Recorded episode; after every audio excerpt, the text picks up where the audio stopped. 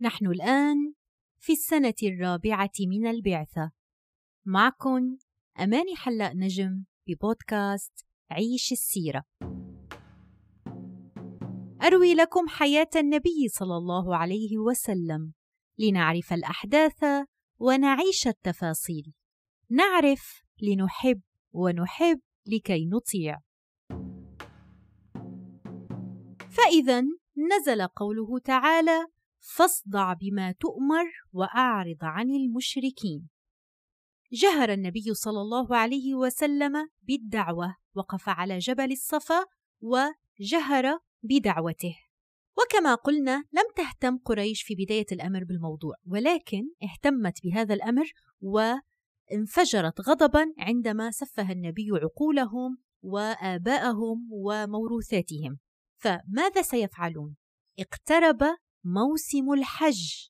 فكل العرب قادمون إلى مكة من أجل الحج. وحيلتقي فيهم النبي عليه الصلاة والسلام ويدعوهم. فماذا ستفعل قريش؟ فساروا بأول وفد إلى عم النبي أبي طالب. فقالوا له لاحظوا الكلام كيف حيكون بأول لقاء؟ كلام قريش وفد قريش كيف حيكون مع أبو طالب؟ بأول لقاء وكيف رح تتصاعد اللهجة باللقاءات التانية. فقالوا له إن ابن أخيك قد سب آلهتنا وعاب ديننا وسفه أحلامنا وضلل آباءنا. وإما أن تخلي بيننا وبينه فإما أن تكفه عنا. فإنك على مثل ما نحن عليه من خلافه. فشو كان رد أبو طالب؟ قال لهم قولا رقيقا وردهم ردا جميلا لأنه أبو طالب هو أيضا على معتقداتهم وبيعرف حق المعرفة خطورة ما يدعو النبي بالنسبة إلهم فانصرفوا. واستمر النبي صلى الله عليه وسلم في الدعوة ما في شيء بوقفه. واقترب موسم الحج هيدا الموسم يلي كانت خايفة منه قريش.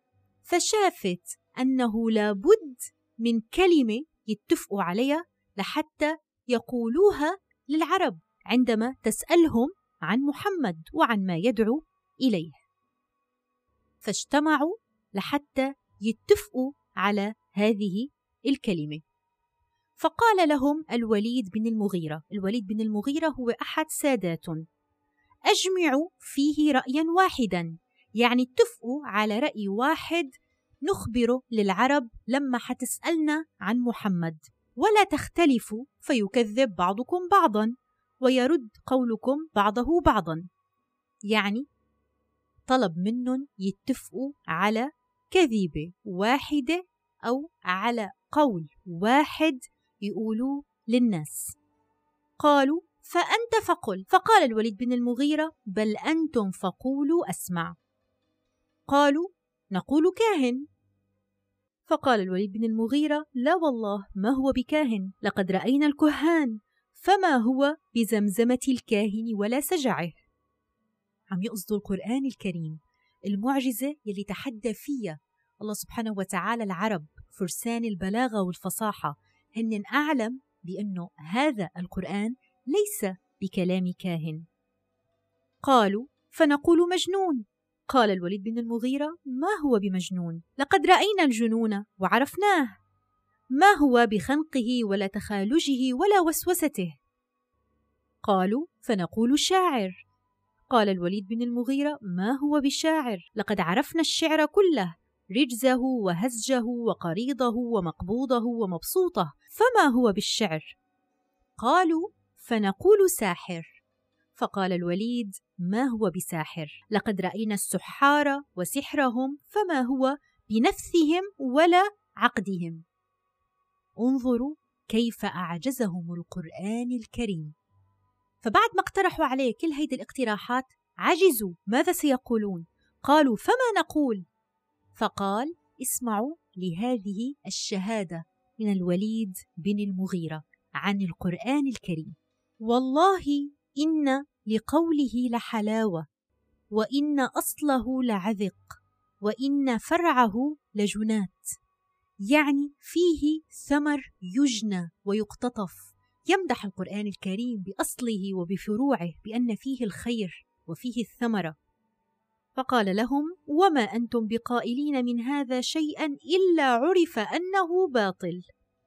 وإن أقرب القول فيه لأن تقولوا ساحر. يعني بعد ما رفض كل اقتراحاتهم لقى أنه أقرب ما قد يكون مناسب هو أن يتهموه بالسحر.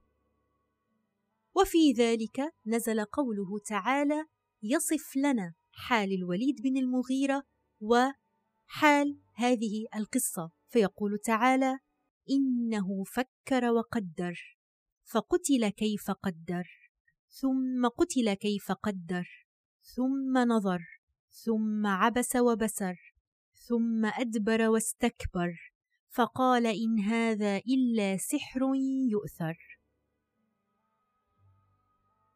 وبعد ما اتفق مجلس قريش على هذا القرار نشروا ذلك بين الناس القادمين للحج.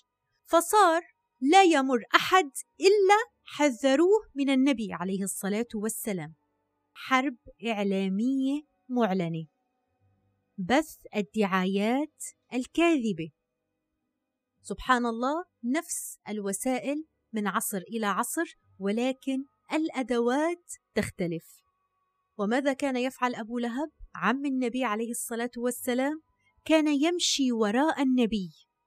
عندما يذهب ليتكلم مع الناس ويقول أبو لهب صابئ كذاب. ولكن جاءت النتيجة عكس ما أرادوا سبحان الله. فانتشر ذكر النبي عليه الصلاة والسلام في بلاد العرب كلها. يعني هم أرادوا أن يشوهوا سمعة النبي عليه الصلاة والسلام ولكن انقلب السحر على الساحر وانتشر ذكر النبي عليه الصلاة والسلام ودعوته بين العرب. وكان أبو لهب قد زوج ولديه عتبة وعتيبة من بنتي رسول الله صلى الله عليه وسلم رقية وأم كلثوم. ولكن وبعد دعوة النبي عليه الصلاة والسلام أمر أبو لهب ولديه بتطليقهما بعنف وشدة ففعلا فإذا بدأت الأحزان على النبي عليه الصلاة والسلام فطلقت ابنتاه وفي هذه الأثناء مات الابن الثاني للنبي عليه الصلاة والسلام التي أنجبته السيدة خديجة وهو عبد الله. فاستبشر أبو لهب وصار يقول بأن محمدا صار أبتر يعني مقطوع الولد. وهل اكتفى أبو لهب بهذا الإيذاء للنبي عليه الصلاة والسلام؟ لا لم يكتفي بهذا. بل روي أنه كان يضربه بالحجر حتى يدمي عقباه صلى الله عليه وسلم. أما امرأته امرأة أبي لهب فكانت تحمل الشوك وتضع في طريق النبي عليه الصلاة والسلام وعلى بابه ليلا. وكانت امرأة أبي لهب امرأة سليطة اللسان تطيل عليه الافتراء والمكائد وتؤجج نار الفتنة. ولهيك بنلاقي القرآن الكريم قد وصفها بقوله تعالى حمالة الحطب. ولما سمعت ما نزل فيها وفي زوجها من القرآن الكريم في سورة المسد جاءت إلى النبي عليه الصلاة والسلام وهو جالس عند الكعبة. ومين كان مع النبي عليه الصلاة والسلام؟ كان معه أبو بكر رضي الله تعالى عنه. فملأت امرأة أبي لهب كفها بالحجارة. فلما اقتربت أخذ الله ببصرها عن رسول الله. فما شافت النبي عليه الصلاة والسلام وما شافت إلا أبا بكر. فقالت يا أبا بكر أين صاحبك؟ قد بلغني أنه يهجوني. والله لو وجدته لضربت بهذا الفهر يعني بما ملأت كفة من الحجارة لضربت بهذا الفهر فاه. يعني فمه. وصارت تقول أبيات شعرية في ذم النبي عليه الصلاة والسلام فقالت مذمما عصينا وأمره أبينا ودينه قلينا. مذمما يعني تقصد به سيدنا محمد صلى الله عليه وسلم. فهو اسمه محمد يعني من يقع حمد الحامدين عليه فسمته مذمما يعني يقع عليه الذم. ثم انصرفت. فقال أبو بكر يا رسول الله أما تراها رأتك؟ يعني استغرب أبو بكر أنها لم ترى النبي عليه الصلاة والسلام مع أنه كان جالس بجانب أبو بكر. فقال ما رأتني. لقد أخذ الله ببصرها عني. هذا كان فعل عم النبي وزوجته فكيف ببقية قريش؟ فإذا واجهت قريش النبي عليه الصلاة والسلام بأساليب متعددة لحتى ترده وترجعه عن دعوته. أسلوب السخرية أسلوب التكذيب أسلوب التضحيك. قال تعالى وقالوا يا أيها الذي نزل عليه الذكر إنك لمجنون. فاتهموه بالجنون بالرغم من انهم علموا أن هذا ليس بجنون. وقال تعالى وعجبوا أن جاءهم منذر منهم. وقال الكافرون هذا ساحر كذاب فإذا اتبعوا أسلوب السخرية، التكذيب، التضحيك، تشويه التعاليم، بث الدعايات الكاذبة، وأيضا من الأمور يلي اتبعوها إشغال الناس عن القرآن بكلام آخر، لأنهم بيعرفوا بأن هذا القرآن ليس بكلام محمد، فأرادوا أن يشغلوا الناس عن سماع القرآن. ومن ذلك ما فعله النضر بن الحارث. ذهب للحيرة يعني للعراق وتعلم بها أحاديث ملوك الفرس. فإذا ما سمع النبي يقرأ القرآن صار يتكلم ويحدثهم بالأخبار التي سمعها من ملوك الفرس لحتى يشغلهم عن سماع القرآن الكريم. وصار يقول بماذا محمد أحسن حديث مني؟ وروى سيدنا ابن عباس رضي الله عنهما أن النضر أيضا اشترى جوار مغنيات فإذا ما سمع برجل مال إلى دعوة النبي عليه الصلاة والسلام أشغله ألهاه بواحدة منهم. يعني حرب معلنة من جميع الجهات وبجميع الوسائل.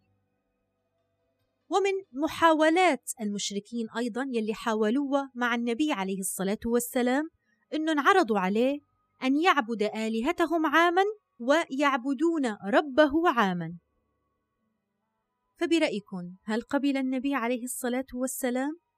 بالتأكيد لا ولكن السؤال لماذا لم يقبل النبي عليه الصلاة والسلام بذلك ولو كطريقة لجذبهم للإسلام أو للتدرج بالدعوة لماذا لم يقبل النبي ذلك؟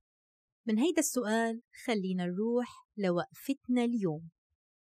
وقفتنا اليوم بعنوان ثوابت. موضوع الثوابت عند الإنسان أمر كتير مهم. النبي عليه الصلاة والسلام جاء وبعث والدنيا غارقة بالشرك مثل ما حكينا وشرحنا سابقا. بالحياة في أمور لا يمكن التفاوض فيها. خلينا نتذكر هيدا الشي كتير منيح كتير ناس مننا بهيدا الزمن أمور بديهية بثوابتهم وباعتقاداتهم إما ما بيعرفوها أو بيحاولوا يتفاوضوا فيها أو يتنازلوا عنا علشان يقدروا يعيشوا بالمجتمع أو يظهروا محبتهم ومودتهم للناس. ولكن بالحياة أمور لا يمكن التفاوض فيها. نعم الإسلام جاء بالتشريعات كأحكام بشكل متدرج. حتى المساجد مثل ما رح نشوف ما رح يكون لها وجود وما رح تبنى إلا للعهد المدني. أما التوحيد التوحيد فهو الأساس الأساس يلي نادى فيه كل الرسل من عهد سيدنا آدم إلى عهد سيدنا محمد. لا يمكن التفاوض عليه بأي حال من الأحوال. ولو كان النبي عليه الصلاة والسلام رجلا يريد الملك أو الجاه لكان قبل معهم ولكنه رسول الله. وهيدا الشيء منه أمر عم نقراه بالسيرة فقط بل هو واقع عم نعيشه كل يوم. في أي بقاع الأرض كنا. لا مفاوضة على الثوابت. وبالنسبة إلنا وبعد أن أكمل الله دينه مع نهاية بعثة سيدنا محمد صلى الله عليه وسلم صارت القطعيات في دين الله كلها بالنسبة لنا ثوابت.